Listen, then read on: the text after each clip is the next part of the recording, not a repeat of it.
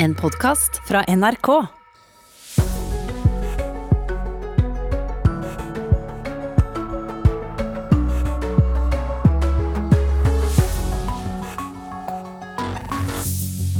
Nesten tre ganger så mange som for en måned siden er innlagt på sykehus med covid-19.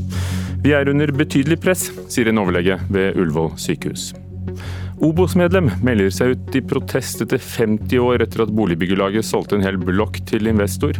Måten Obos opptrer nå, det, det er helt fremmed for meg. Jeg syns det er usmakelig. Og de betjente turisthyttene i fjellet er stengt denne påsken. Tilbake sitter de nye hyttevertene på Mårbu på Hardangervidda. De drømte om solbrune gjester og fullt liv. Her skulle det jo vært fullt liv nå. Vi skulle fått de første gjestene. Og eh, det er det jo ikke. Det er tomt. Så det er leit. Det er trist at det er slik. God morgen, velkommen til Nyhetsmorgen her i NRK P2, Alltid nyheter og på NRK1 med Ugo Fermariello i studio. Koronapandemien setter alle under press, også sykehusene våre, på alle kanter. Antall senger, hvem som får behandling, og ikke minst de som jobber der. I går var 288 koronapasienter innlagt på sykehus med covid-19 i Norge. For en måned siden var tallet under 100. Overlege ved akuttmedisinsk avdeling på Ullevål sykehus, en del av Oslo universitetssykehus, Knut Erik Hovda, god morgen. God morgen. Hvordan er situasjonen for dere nå? Det er et, det er et ikke ubetydelig press på plassene spesielt. Vi har over litt tid sett en gradvis økning i antall covid-pasienter. Både på sengepost, men også på intensivsiden. Vi fikk jo egentlig et større press litt etter Ahus f.eks., som, som jo ble belastet mer i starten enn det vi, har, enn det vi ble. Etter hvert så har det kommet sigende inn, og det er klart nå er det en ganske mye det er ganske mye trykk på, på ikke minst intensivsiden. og Det er kanskje det som er mest krevende, fordi det krever både plass og ikke minst personell til å ta imot. Hvem er pasientene? Nei, Pasientene er stort sett middelaldrende, vil jeg si. De er i, litt yngre enn det de var for et års tid siden. I den forstand at de aller eldste ser vi i mindre grad. Mens mens resten av populasjonen er vel det endrer seg litt fra, fra, den ene bølgen til den andre, mens snittalderen er nok kanskje ikke så veldig ulik. Helt i starten i fjor så, så vi det kom noen yngre pasienter fra utlandet som var betydelig syke, eller var, var, veldig, var smittet og veldig syke. Og så kom det en bølge med mye eldre pasienter. Det har nok jevnet seg litt ut, og etter hvert som vi har sett vaksinene begynner, begynner å få litt fotfeste, så er det færre av de aller eldste som er inne. Nå er det veldig mange som er i 50-60-årene, vil jeg si, som ligger på sykehus. Men samtidig så ser det i hvert fall ut på statistikken at dødeligheten ikke har gått tilsvarende opp. Stemmer det med med din erfaring fra Oslo universitetssykehus? Ja, det er også noe som går litt i bølger, avhengig av hvem du treffer av, i, av pasienter. Det, hvis du får eh, pasienter som er, har mye til grunnliggende sykdommer, så er det klart det, det vil øke dødeligheten. og også I den grad det er mange, mange fra den eldre populasjonen, så vil det, vil det også reflekteres i antall, antallet døde. Men det antallet pasienter vi har på intensiv nå, eh, så vil jeg si at dødeligheten nok er lavere og det er jo, det er jo veldig, gunst, veldig fint for oss å se nå, da. Er det den eh, varianten av, av koronaviruset som kommer fra England som er skyld i at flere blir eh, syke og kommer på sykehus? Det ser sånn ut. Det er vel størrelsesorden 80% av de smittede nå som er bekreftet smittet med den britiske varianten i Oslo. Og det virker å være mer smittsomt, og folk virker å bli mer syke. Eh, spesielt smittsomheten syns jeg å se at det er klart større nå enn det den var. altså.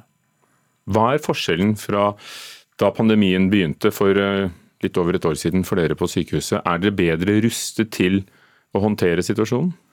Det vil jeg si. Vi har jo eh, mye bedre tilgang på utstyr.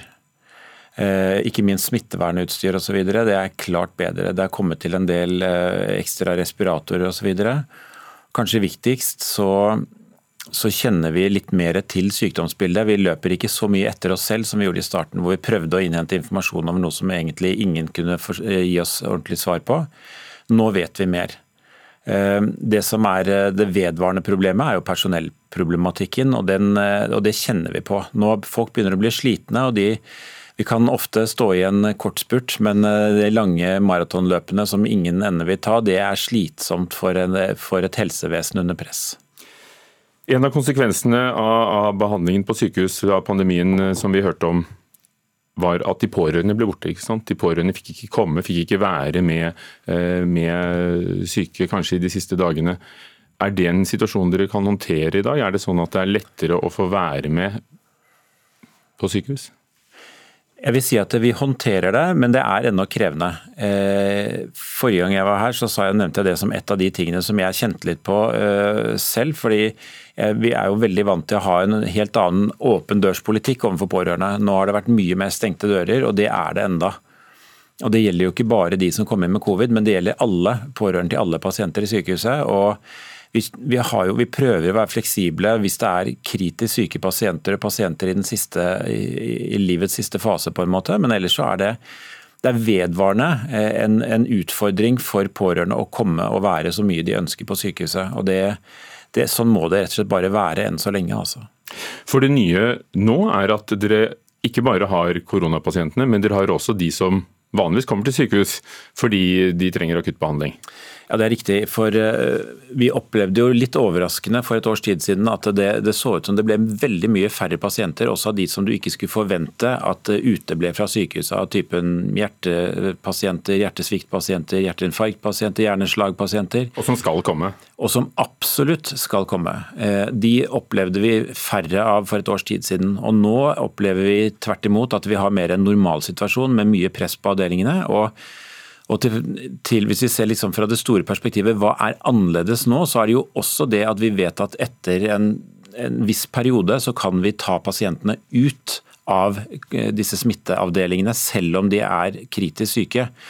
Eh, og Det gjør jo noe med kapasiteten vår inne på intensivkohortene våre. Men det hjelper ikke noe på intensivavdelingen utenfor. For noe sted må vi legge dem når de fremdeles ligger på respirator. Så det letter arbeidet for oss å kunne etter tre ukers tid ta dem ut.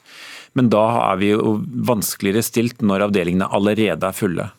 Og det kjenner vi veldig på nå. Over 1000 smittede nesten hvert døgn i Norge. Hvordan ser du på utsiktene fremover for dere på sykehusene? Nei, dette her er jo ikke, er jo ikke noe som snur eh, veldig brått og umiddelbart. så Det er, det er, det er en langsom materie. ikke sant? Og det, Først når det gjelder smitten, så, så, vil den forhåpentligvis nå flate ut og avta. og Så vil det gå litt tid før vi ser et redusert antall innleggelser på sykehus. Og så vil det gå enda lengre tid før vi ser at antallet på intensivavdelingene går ned. Men dere kan fortsatt klare toppene? Ja, Foreløpig så har vi litt å gå på, og det, det, håper jeg at vi kommer til å ha også i fortsettelsen. Men det er, vi begynner å bli veldig presset nå. Men vi, vi kan skalere ytterligere opp hvis det skal være behov for det. Takk. Knut Erik Havda, overlege ved akuttmedisinsk avdeling på Ullevål sykehus, Oslo universitetssykehus. Tusen takk. Politikk.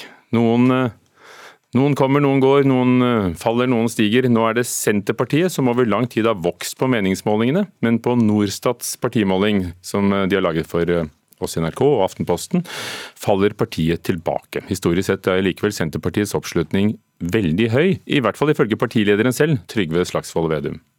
Vi ligger stabilt høyt, altså 16,6 som det er på denne målinga her, er jo da en framgang på 6,3 prosentpoeng fra forrige stortingsvalg. Det er på nivå med det beste valget vi har gjort noen gang. Tallet er 5,6 prosentpoeng lavere enn i forrige måling. Fallet skyldes verken at velgere på venstresida går til andre rød-grønne partier, eller at kjernevelgerne svikter. Forklaringa er lavere gevinst fra Høyre og Frp. Vedum ler likevel litt av spørsmålet om han har kommet for tidlig i form. Det er ikke det. Det har vi spurt om hele tida. Jeg ble spurt om det da vi lå på 12 også i, i 2017. Så det var mange som spurte er du i form for tidlig. Vi kan ikke måtte tilpasse budskaper i ulike tider. Vi må jo si det vi mener og tror på, så er det folk som er helt suverene. I målinga sier 23,3% av de spurte at de ville stemt på Arbeiderpartiet. Tallet er 2,3 prosentpoeng høyere enn i mars. Det peker oppover, og det, det inspirerer oss til, eh, til stor innsats eh, fremover imot valget. Hvis dette ble valgresultatet, ville Arbeiderpartiet, Senterpartiet og SV til sammen fått 84 mandater. Ap-nestleder Bjørnar Skjæran, Senterpartiet og SV ville derfor vært avhengig av Rødt eller MDG for å få flertall.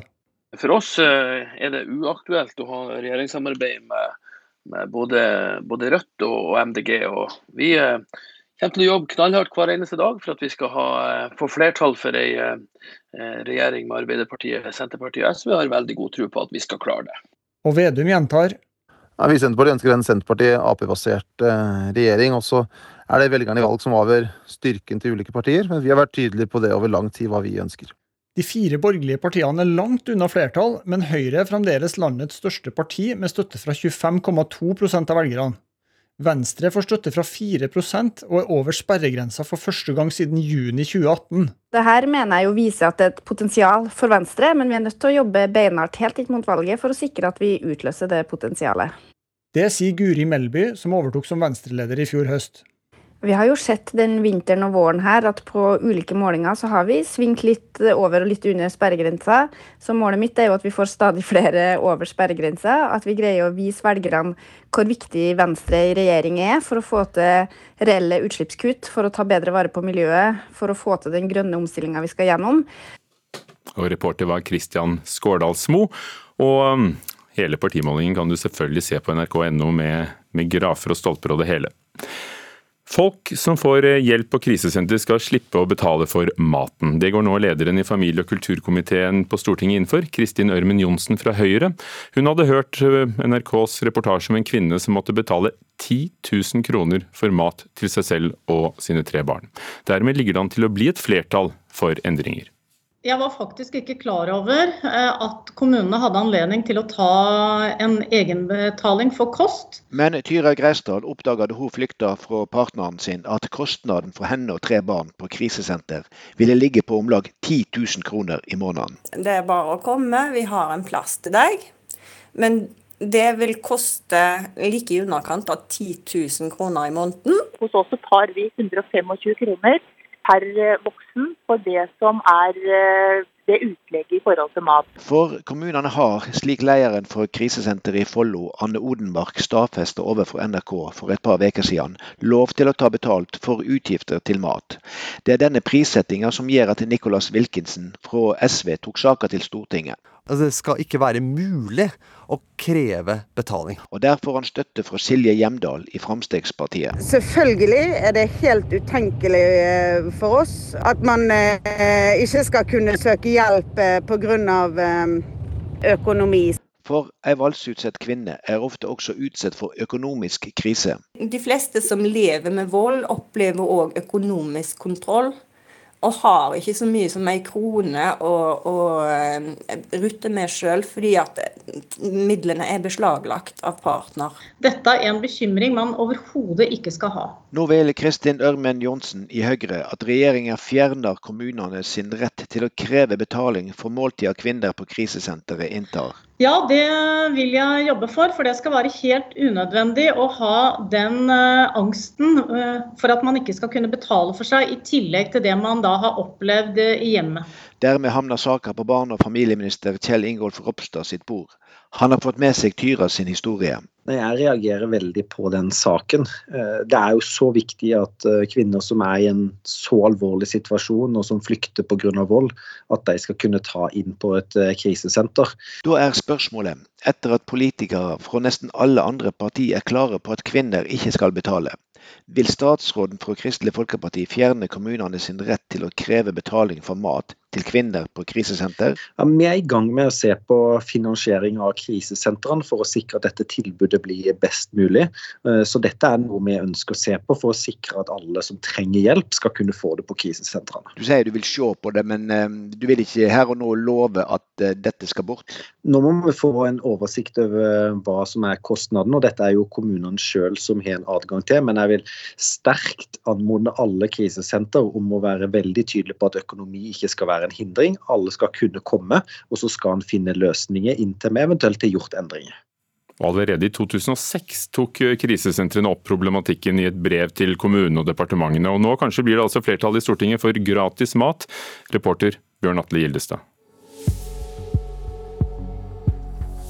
Klokken er 18 minutter over syv. Du lytter til Nyhetsmorgen i NRK. Senterpartiet faller på ny meningsmåling. 288 personer er innlagt på norske sykehus med covid-19. Overlege Knut Erik Hovda ved Oslo universitetssykehus sa til oss nå nettopp at de opplever et stort press på alle kanter. 14 land, også Norge, ledet an av USA, er kritiske til Verdens helseorganisasjons rapport om hvor koronaviruset kom fra. Mer om det snart. Men først til Trysil, som venter ja, kanskje så mange som 30 000 påskegjester. For i morgen begynner påskeferien for alvor, og med det eh, vil også veiene ut av byene opp eh, på fjellet fylles med mennesker i løpet av ettermiddagen. Og i Trysil i Østerdalen er eh, du ordfører, Erik Sletten, god morgen. God morgen, god morgen. Hvordan har dere forberedt dere på påskeinnrykket i et år, hvor det også er en pandemi på gang? Ja, Den er jo forberedt på, på, på mange vis. Altså type Alpinanlegget har gjort sine regler og rutiner for god avstand i heiser. Helsevesenet er eh, bra forberedt. Vi har sjølsagt gjort råd og regler og anbefalinger og forskrifter, slik at eh, folk skal kunne komme på hytta hvis de er eh, påpasselige med smittevernet sjøl. Så Bygda er bra forberedt, og så har vi tillit til at de som kommer hit er, er nøye med å, å, følge alle råd. Hva med hotellene hos dere, er de, er de åpne?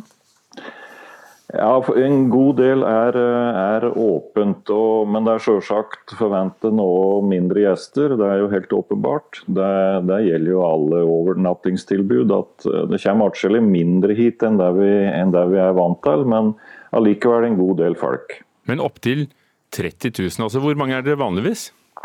Ja, Dette der kan bli fem ganger eh, innbyggertallet. Så det er en eh, vesentlig økning i folketallet akkurat disse dagene her. Men samtidig er Trysil eh, veldig stort. Vi har veldig mye overnattingsmuligheter, mange hytter. Så så sett så, så er vi vant til å ta imot mye folk. Men Erik Sletten, dette er jo i år som i fjor en veldig spesiell situasjon. Er du også, du må ha gjort deg noen tanker om mulig smittespredning i kommunen?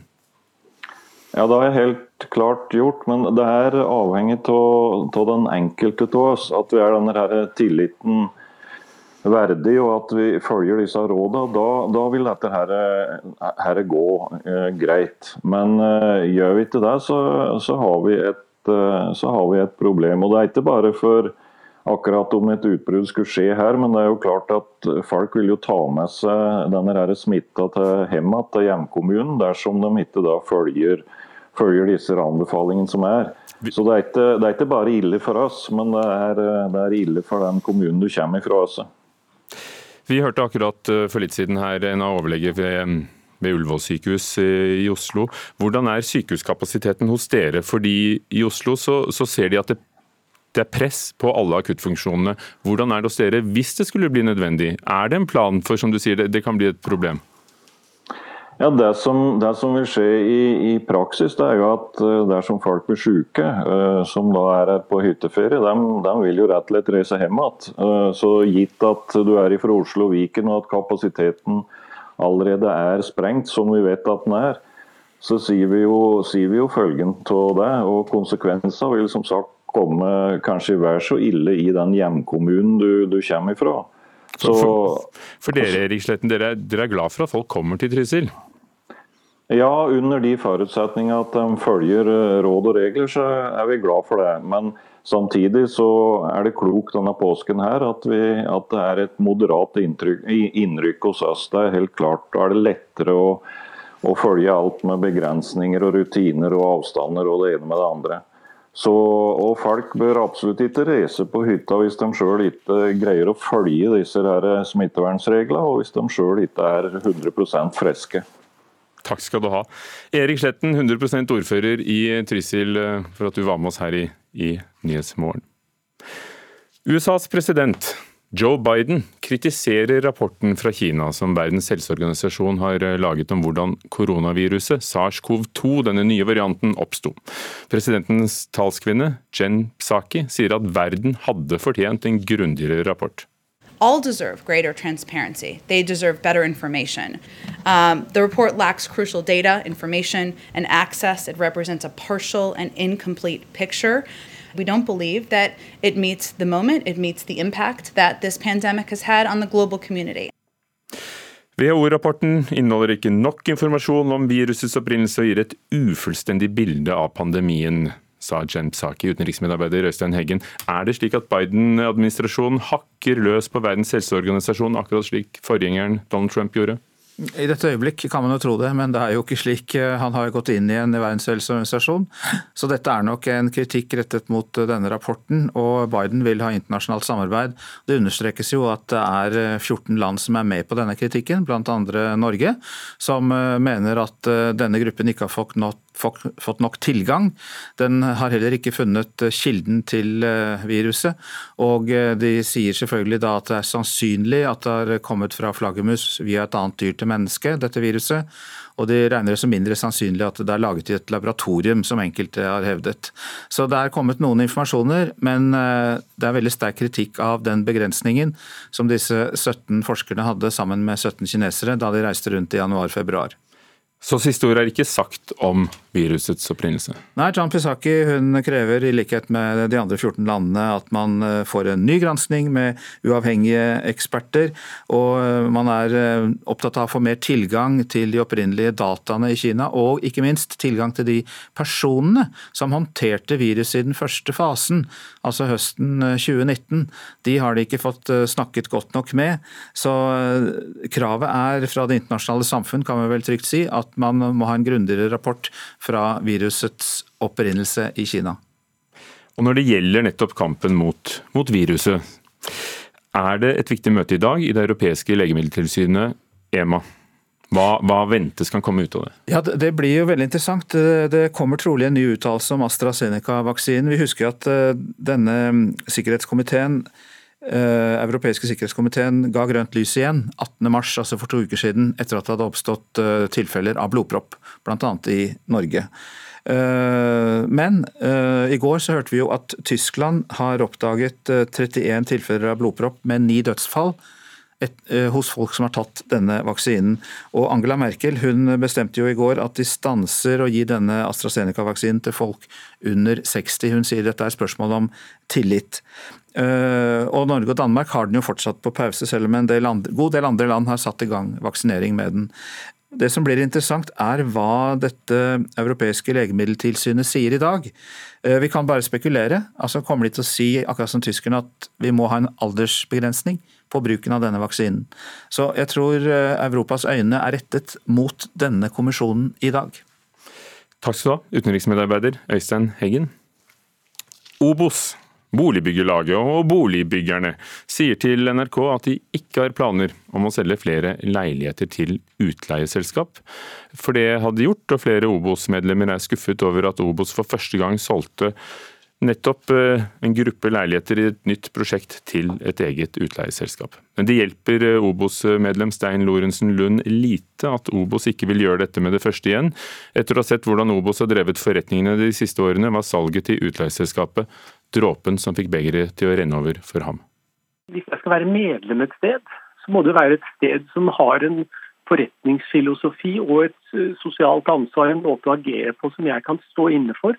Og Måten Obos opptrer nå, det, det er helt fremmed for meg. Jeg syns det er eh, usmakelig.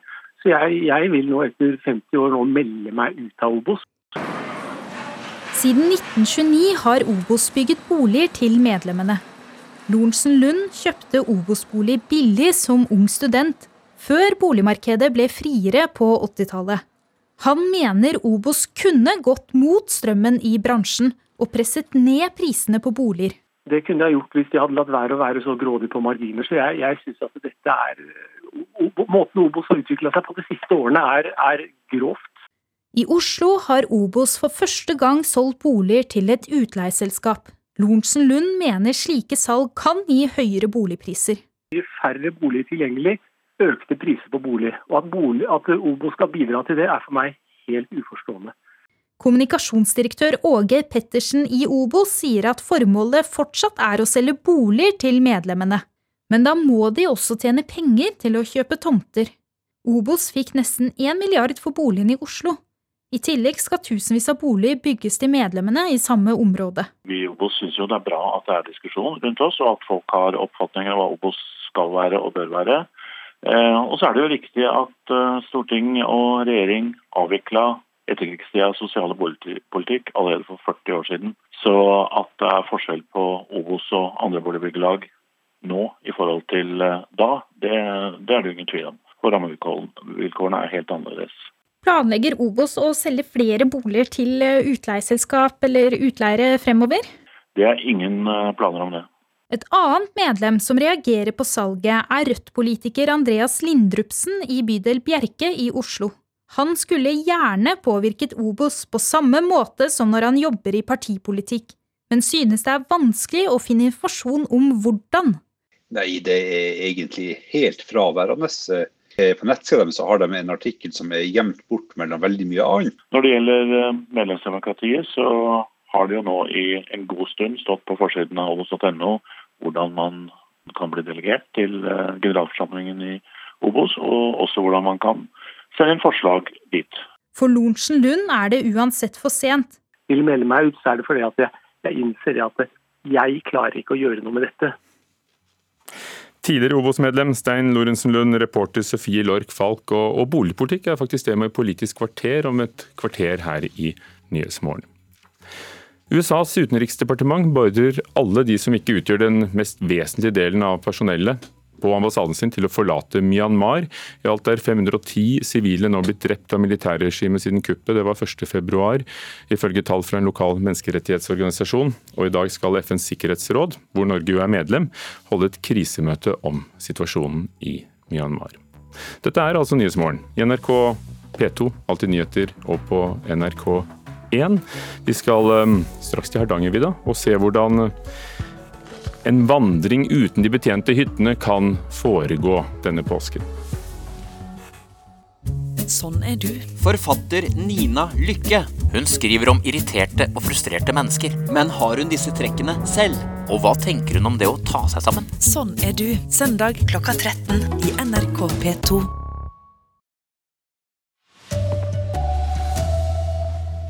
Nå blir det trolig endringer. De som får hjelp på krisesenteret skal slippe å betale for maten. Senterpartiet faller på ny måling, men partilederen er tilsynelatende ubekymret. Strenge koronaregler tærer på. Enkelte skriker til fremmede ved spritdispenseren.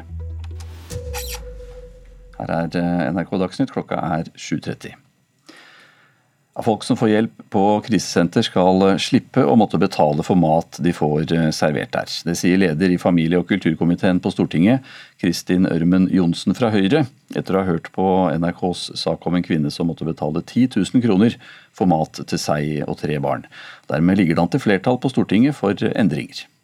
Jeg var faktisk ikke klar over eh, at kommunene hadde anledning til å ta en egenbetaling for kost. Men Tyra Greisdal oppdaga da hun flykta fra partneren sin at kostnaden for henne og tre barn på krisesenter ville ligge på om lag 10 000 kroner i måneden. Det er bare å komme, vi har en plass til deg. Men det vil koste like i underkant av 10 000 kroner i måneden. Hos oss tar vi 125 kroner per eh, voksen for det som er eh, det utlegget i forhold til mat. For kommunene har, slik lederen for krisesenteret i Follo, Anne Odenmark, stadfesta overfor NRK for et par uker siden, lov til å ta betalt for utgifter til mat. Det er denne prissettinga som gjør at Nicholas Wilkinson fra SV tok saka til Stortinget. Altså, det skal ikke være mulig å kreve betaling. For ei voldsutsatt kvinne er ofte også utsatt for økonomisk krise og har ikke så mye som ei krone å, å eh, rutte med sjøl, fordi at midlene er beslaglagt av partner. Dette er en bekymring man overhodet ikke skal ha. For det skal være helt unødvendig å ha den uh, angsten for at man ikke skal kunne betale for seg, i tillegg til det man da har opplevd i hjemmet. Dermed havner saka på barne- og familieminister Kjell Ingolf Ropstad sitt bord. Han har fått med seg Tyra sin historie. Jeg reagerer veldig på den saken, men jeg vil sterkt anmode alle krisesenter om å være veldig tydelig på at økonomi ikke skal være en hindring. Alle skal kunne komme, og så skal en finne løsninger inntil vi eventuelt har gjort endringer. Allerede i 2006 så tok Krisesentersekretariatet opp eh, problematikken. i et brev til departementet og landets eh, kommuner. Reporter her, det var Bjørn Atle Gildestad. Så til eh, koronasituasjonen eh, her i landet. Siste døgn så er det registrert over 1000 nye smittetilfeller i Norge. Reporter Trine Svanholm Misje, hva kan du si om dagens smittetall? Ja, Det er fremdeles høye smittetall her i Norge. Siste døgn er det registrert uh, 1069 nye smittetilfeller. Og Det er da 80 flere enn dagen før og 16 færre enn samme dag forrige uke. Og Oslo står nå for like under 30% av den registrerte smitten i Norge. Og her er det registrert 301 nye tilfeller siste døgnet. Og Samtidig så hører vi at det ikke er eh, alle som overholder karantenereglene. Hva mer kan du fortelle om det? Ja, Ifølge Romerikes Blad så er det opp mot 30 personer som har stukket av fra karantenehotell på Gardermoen siste veka. Etter dagens regler så skal alle som kommer til Norge få unødvendig utenlandsreise, på karantenehotell. Og Da kan en ta en test tidligst etter sju døgn. og Dersom den er negativ, så kan en reise fra hotellet. Og Dette er da regler for å hindre importsmitte.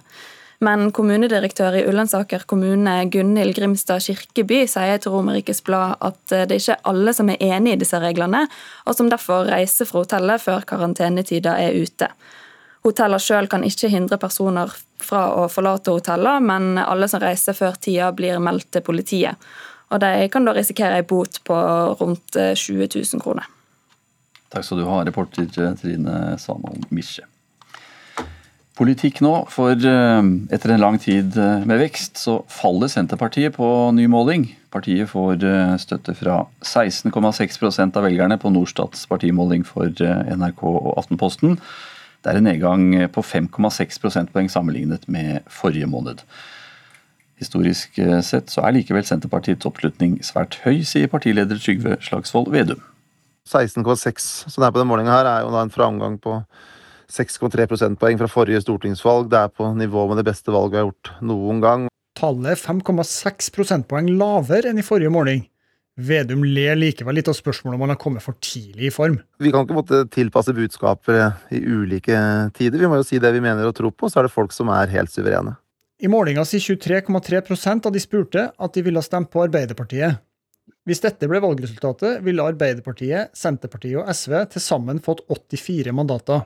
Senterpartiet, SV og Ap-nestleder Bjørnar Skjæran ville derfor vært avhengig av Rødt eller MDG for å få flertall. For oss eh, er det uaktuelt å ha regjeringssamarbeid med, med både, både, Rødt og, MDG. Og vi eh, kommer til å jobbe knallhardt hver eneste dag for at vi skal ha, eh, få flertall for en regjering med Arbeiderpartiet, Senterpartiet og SV. Jeg har veldig god tro på at vi skal klare det. De fire borgerlige partiene er langt unna flertall, men Høyre er fremdeles landets største parti, med støtte fra 25,2% av velgerne. Venstre får støtte fra 4% og er over sperregrensa for første gang siden juni 2018. Dette mener jeg jo viser at det er et potensial for Venstre, men vi er nødt til å jobbe beinhardt helt inn mot valget for å sikre at vi utløser det potensialet. Ja, Det sa til slutt eh, Venstres eh, leder Guri Melby. Du kan se mm, hele denne målingen på nrk.no nå. Reporter her, det var Kristian Christian Skårdalsmo. Livmorhalskreft kan være utryddet i Norge om 18 år. Det viser en studie med forskere fra bl.a. Folkehelseinstituttet. Vaksinering og Sjekk deg-kampanjene får æren.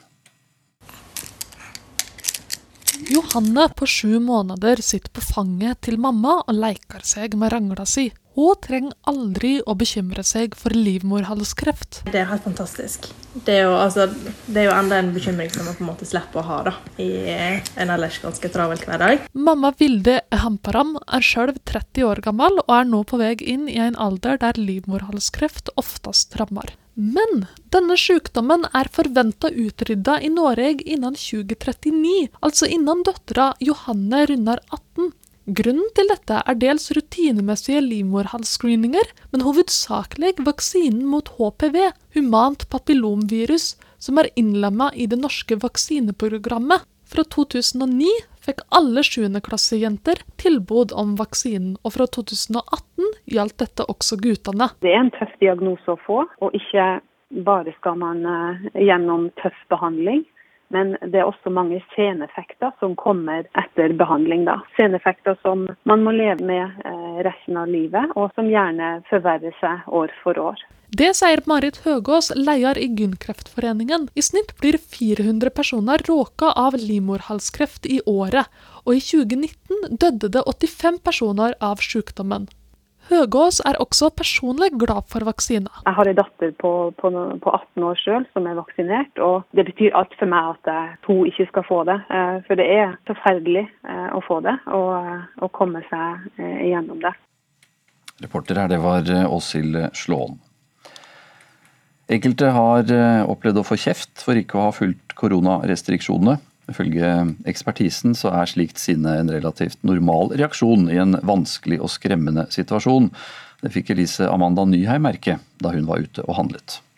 Der står det da en mann, og idet jeg går forbi han, så begynner han å skrike etter meg. Elise hadde akkurat sprita henne ved én dispenser, før hun gikk forbi butikkens andre spritdispenser uten å bruke den. Line Joranger er professor i samfunnspsykologi ved Universitetet i Sørøst-Norge. Hun skjønner at noen reagerer kraftig når de tror de ser brudd på smittevern. Ja, altså Vi befinner oss i en uh, veldig kunstig sosial situasjon, uh, hvor vi er presset inn i situasjoner vi normalt sett eller ellers ikke ville ha funnet, uh, befunnet oss. Dette med å bli sint det hører jo også til redsel. Og helt forståelig nok nå, så har kanskje redselen tatt overhånd eh, hos noen. Eh, redsel er forståelig, men det at man knytter det til sinne, fører ofte eh, ikke noe hen i sosiale settinger. Det avler snarere tvert imot mer sinne, både hos den som er sint, og hos den sinnet er rettet mot. Det er ikke så smart? Nei, men helt forståelig. Nå er vi jo blitt bombardert med nasjonale sanksjoner og regler et år. Og disse reglene og sanksjonene er jo nå gått inn, eh, selvsagt, eh, på mikronivå, der vi mennesker eh, befinner oss. Så på mange måter så har det også ført til en ganske oppfattende selvregulering og overvåking både av oss selv og andre. For Elise opplevde situasjonen ubehagelig. Hun skulle ønske at folk tenkte seg litt mer om. Det kan jo skje at noen har glemt å sprite seg, men da går det an å si ifra på en hyggelig måte sånn 'Unnskyld, husk at du sprite deg'. Reportere Rikard Aune og Lorentz Berg. Anne Skårseth tar ansvaret for NRK Dagsnytt i dag. Jeg heter eh, Anders Borgen Werring.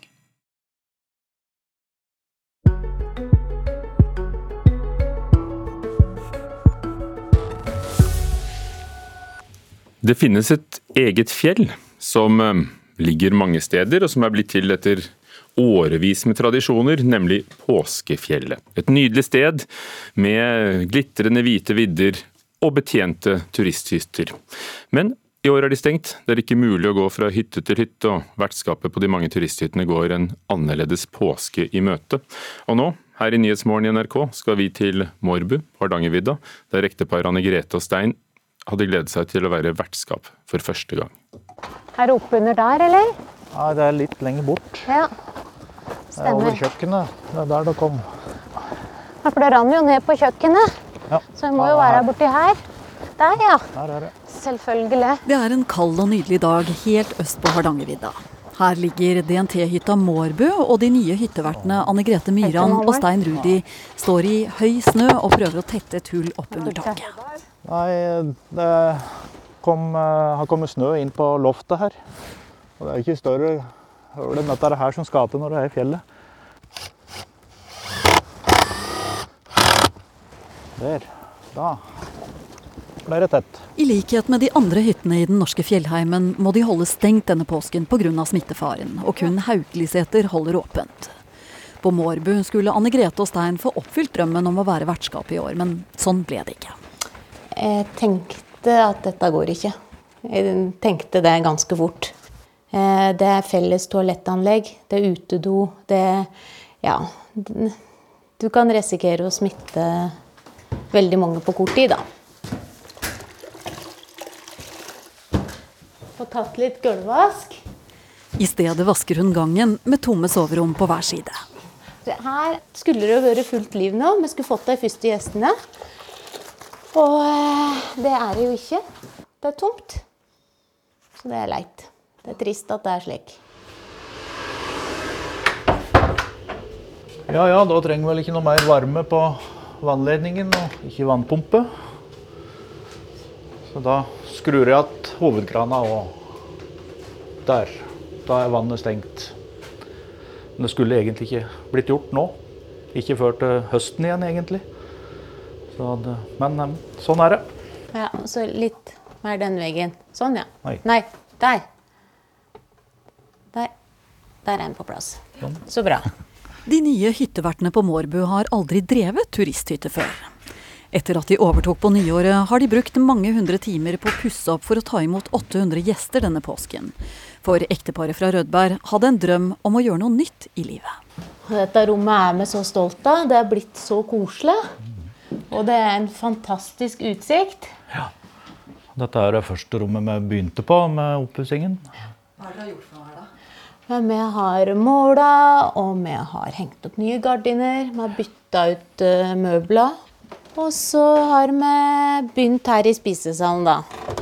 Det skal vi gjøre ferdig ganske så fort. Her og har vi Tidligere så var det sånn, og så er det blitt slik. Ifølge DNT blir det færre folk i fjellet i år. For det er kun de ubetjente og selvbetjente hyttene som er åpne for leie i sin helhet, med én kohort. Stein og Anne Grete tar et pust i bakken og setter seg på benken utafor hytta mens påskesola skinner. Det skulle jo vært masse folk her som kom bortan til løypa her. Og vi skulle vært i full fart på kjøkkenet og solgt brus og appelsiner og Men sånn ble det ikke. Og det hadde ikke vært noe moro å sitte her og med full hytte og få noe utbrudd heller, da. Vi har jo lagt ned masse arbeid, og det gleder jeg kan til å vise fram. Og ja, vi er jo spente, da. Må godt uh, svangre sa jul, tenkte på det. Så det skulle jo bli en forløsning. Mm. Syns du det er litt vanskelig ennå? Jeg syns det. Det er kjipt. Mm. Ja. Men det skal bli perfekt Ja. til sommeren, tenkte vi da. Var optimister. Ja. Mm. Reporter på Mårbu på Hardangervidda, Karoline Bekkelund Hauge.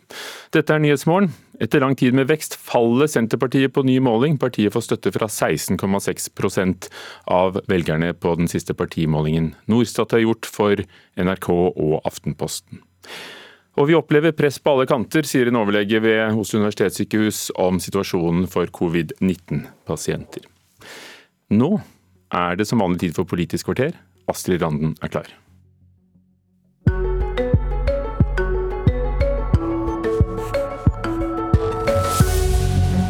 Stadig færre har råd til å eie egen bostad. Andelen nordmenn som leier går opp. Hva kan politikerne gjøre med dette, og med bostadpriser som går bananas?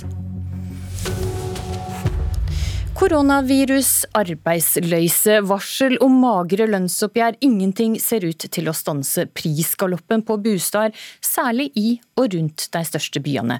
I dag vender Politisk kvarter seg til de som sliter mest med de høye bostadprisene, nemlig de unge og ungdomspartiene, for å høre hva politiske grep de mener en kan ta for å bremse prisauken.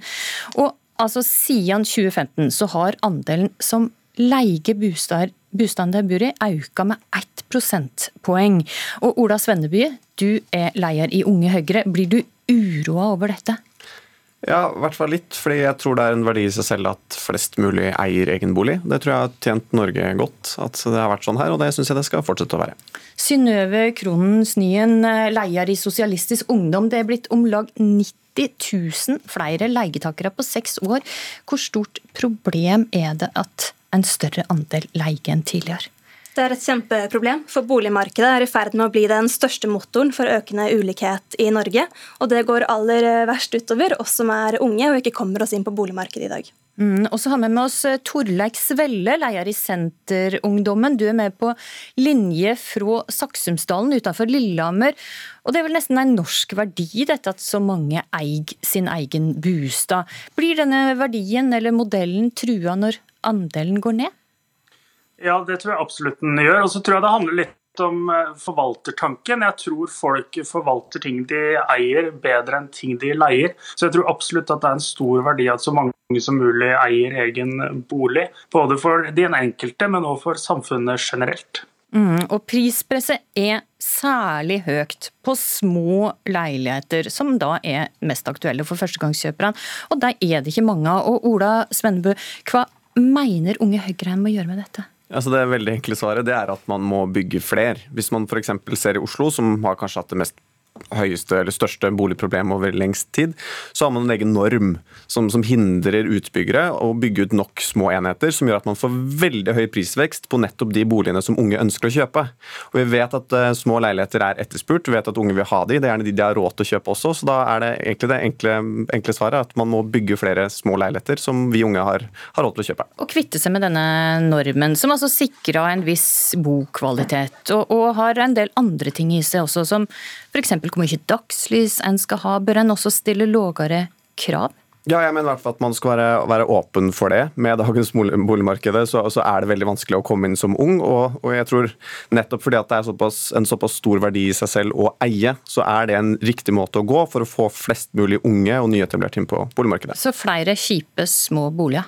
Jeg tror, jeg tror, ikke det er sånn at hvis man leier i dag, så har man gått med dagssol og gått med, med, kvadratmeter heller. Dette er jo to alternativer som kanskje ikke er så ønskelige, men da er det definitivt beste alternativet at man får lov til å eie egen leilighet. I hovedstaden så var det jo i si tid ditt eget parti som innførte denne norma. Var det en tabbe? Jeg tror ikke de er veldig stolt over det i dag, i hvert fall. Eh, jeg tror kanskje Det er veldig mye som har skjedd med boligmarkedet bare etter 2011, så, jeg vet ikke helt hva tankegangen var den gangen, men jeg mener i hvert fall i dag så er det ikke en riktig norm å ha. Mm. Torleik Svelle, leier i Senterungdommen. Er det råflott å bare tilby leiligheter, nybygde leiligheter over 35 kvadrat i store norske byer? Bør en endre norma som eh, Unge Høyre tar til orde for her? Ja, jeg, jeg, tror nok svaret er litt både og. Vi så jo nå for ikke så lenge siden at det var en leilighet i Oslo på 11 kvadrat som ble solgt for 2,6 millioner kroner. Så det er begrensa hvor langt du kan strekke den strikken fordi at folk skal eh, bo litt sånn ordentlig òg, tenker jeg. Eh, men så tror jeg nok òg at mye av det Ola jeg snakker om, og kan gi gjenklang en del rundt omkring ellers i landet òg. For det er jo ikke bare i Oslo man bygger mye store og mye dyre leiligheter som det kun fortrinnsvis er voksne eller pensjonister som har råd til å kjøpe. Eh, så det å kunne bygge mindre boliger som er mer tilgjengelig for alle, ikke bare i Oslo, men også rundt omkring i hele landet, tror jeg absolutt er lurt. Mm, men Sosialistisk Ungdom det mener ikke dette er en god idé, Synnøve Kronensnien. Nei, jeg mener ikke at løsningen på den boligprisveksten vi har hatt i Norge de siste årene, er å bygge masse små, bitte små leiligheter eh, rundt omkring i byene. Grunnen til at eh, det er det man kjøper, er fordi det er det eneste man har råd til. Og det er de som er utbyggere og bygger ut leilighetene, som tjener mest på at eh, kvadratprisen øker, og at man kan selge flere boliger. Og Grunnen til at det er så dyrt å kjøpe, er jo at vi har et skattesystem som gjør at det er mer lønnsomt å plassere pengene sine i bolig enn i arbeidsplasser Og Det er grunnen til at eh, boligprisene øker. Det er ikke førstegangsetablerere som øker boligprisene, det er de som bruker bolig som et spekulasjonsobjekt. Men dette, denne normen fører til at førstegangskjøperne ikke kommer seg inn på eiendomsmarkedet engang. Er det ikke da en god idé å gjøre noe med den? Er det ikke bedre å ha en liten bolig enn å måtte leie en vanlig bolig? Det er mange ting vi må gjøre for å løse det problemet vi har i boligmarkedet i dag. Det er både å bygge flere boliger, men det er først og fremst å endre skattesystemet, som gjør at veldig mange eier andre sin bolig. Hvis man vil at flere skal eie og ikke leie, så må færre eie boligen andre bor i. Og da burde man skattlegge sekundærbolig hardere enn det man gjør i dag. Mm, Svenby, du hører at det, det er utbyggerne som kommer til å tjene på at en, eh, hvis en senker denne normen og tillater å bygge mindre bosteder? Ja, altså, eh, så lenge flere unge kommer inn på boligmarkedet, så er jeg egentlig ikke så veldig opptatt av hvem som tjener penger på på det. fordi at eh, Jeg er jo helt enig med, med Synnøve at, at, eh, det er, eh, at det er veldig lønnsomt å investere i bolig, men, men den kan man godt snu på flisa og gjøre det litt mer lønnsomt å investere andre steder også. Poenget er at uavhengig av boligprisen, så er unge i etableringsfasen. Unge etterspør små boliger, og i Oslo så tror jeg andelen boliger mellom 25 og, og, og 40 kvadratmeter er noe sånt som 5% eller noe sånt. Det er altfor lite. Og hyblifiseringsargumentet at man skal kjøpe mange små leiligheter, vel hva er alternativet med dagens politikk, da? Jo, det er jo nettopp at de leilighetene med fire, tre eller to soverom på Grünerløkka i Oslo sentrum blir stykket opp og delt opp, og man putter inn flest mulig soverom. Det er jo også en form for hyblifisering. og Da syns jeg det er bedre at man kan bygge flere små leiligheter som er eh, mer oppnåelige for de som er førstegangsetablerere. Mm, men er ikke denne normen med på uh, snøen og, og, og, og at de som bor i sentrum, bare blir de velstående? At det er bare de som har råd til større leiligheter som da bor i sentrum? Det må jo ikke være god SV-politikk? Nei, og det er jo heller ikke SVs eh, politikk. SVs politikk er jo at de som eier andre sin leilighet, skal skattlegges hardere. Og blant økonomer så er det jo bred enighet om at eiendom er nødt til å bli skattet høyere i Norge. Men det var denne normen jeg var ute etter akkurat nå, denne makstallet. Altså, en kan ikke bygge nye leiligheter på under 35 kvadrat at den faktisk er med på å gjøre at det bare bor folk som har råd til større leiligheter i sentrum. Vi vil bygge flere boliger, men vi må også gjøre noe med boligpolitikken og boligmarkedet ellers. Og jeg er helt enig i at det bygges altfor mange dyre boliger eh, i Oslo i dag. Det bygges eh, Det er jeg helt enig i, så det må vi nødt til å gjøre noe med. Så du vil bygge billigere boliger, mens ikke, ikke små? Nei, jeg tror ikke det å bygge masse små, eh, kjipe leiligheter er løsningen for at unge skal komme seg inn på boligmarkedet. Ok. Torleik Svelle, i din drømmeverden så bør flere bo på bygda, men mange der opplever at det er vanskelig å få solgt husene sine. Eller de kvier seg for å bygge nytt, for de vet at det kan bli vanskelig å selge til den prisen det faktisk koster å bygge.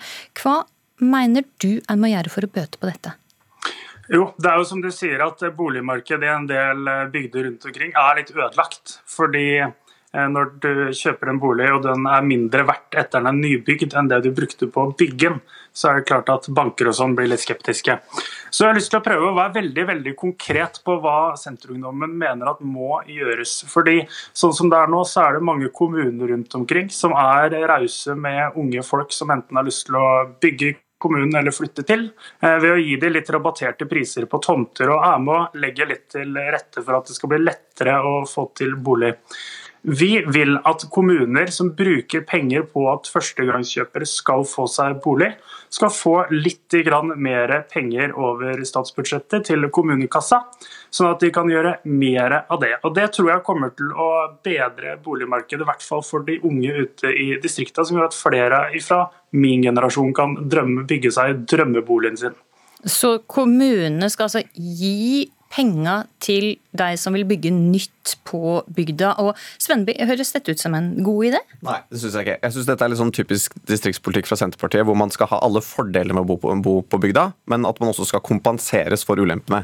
For det første så er det ikke sånn at det er risikofritt å kjøpe bolig i Oslo. Altså Med den boligprisveksten som har vært siden 2016, så er det ganske stor risiko å kjøpe nettopp en 11 kvadrat leilighet til 2,7 millioner.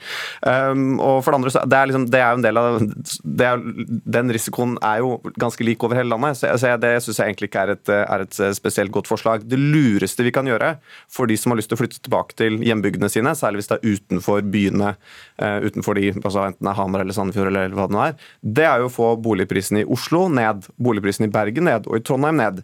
For det kan jo høres litt sånn intuitivt ut som at det er et insentiv å flytte på bygda når det er høye boligpriser i byene.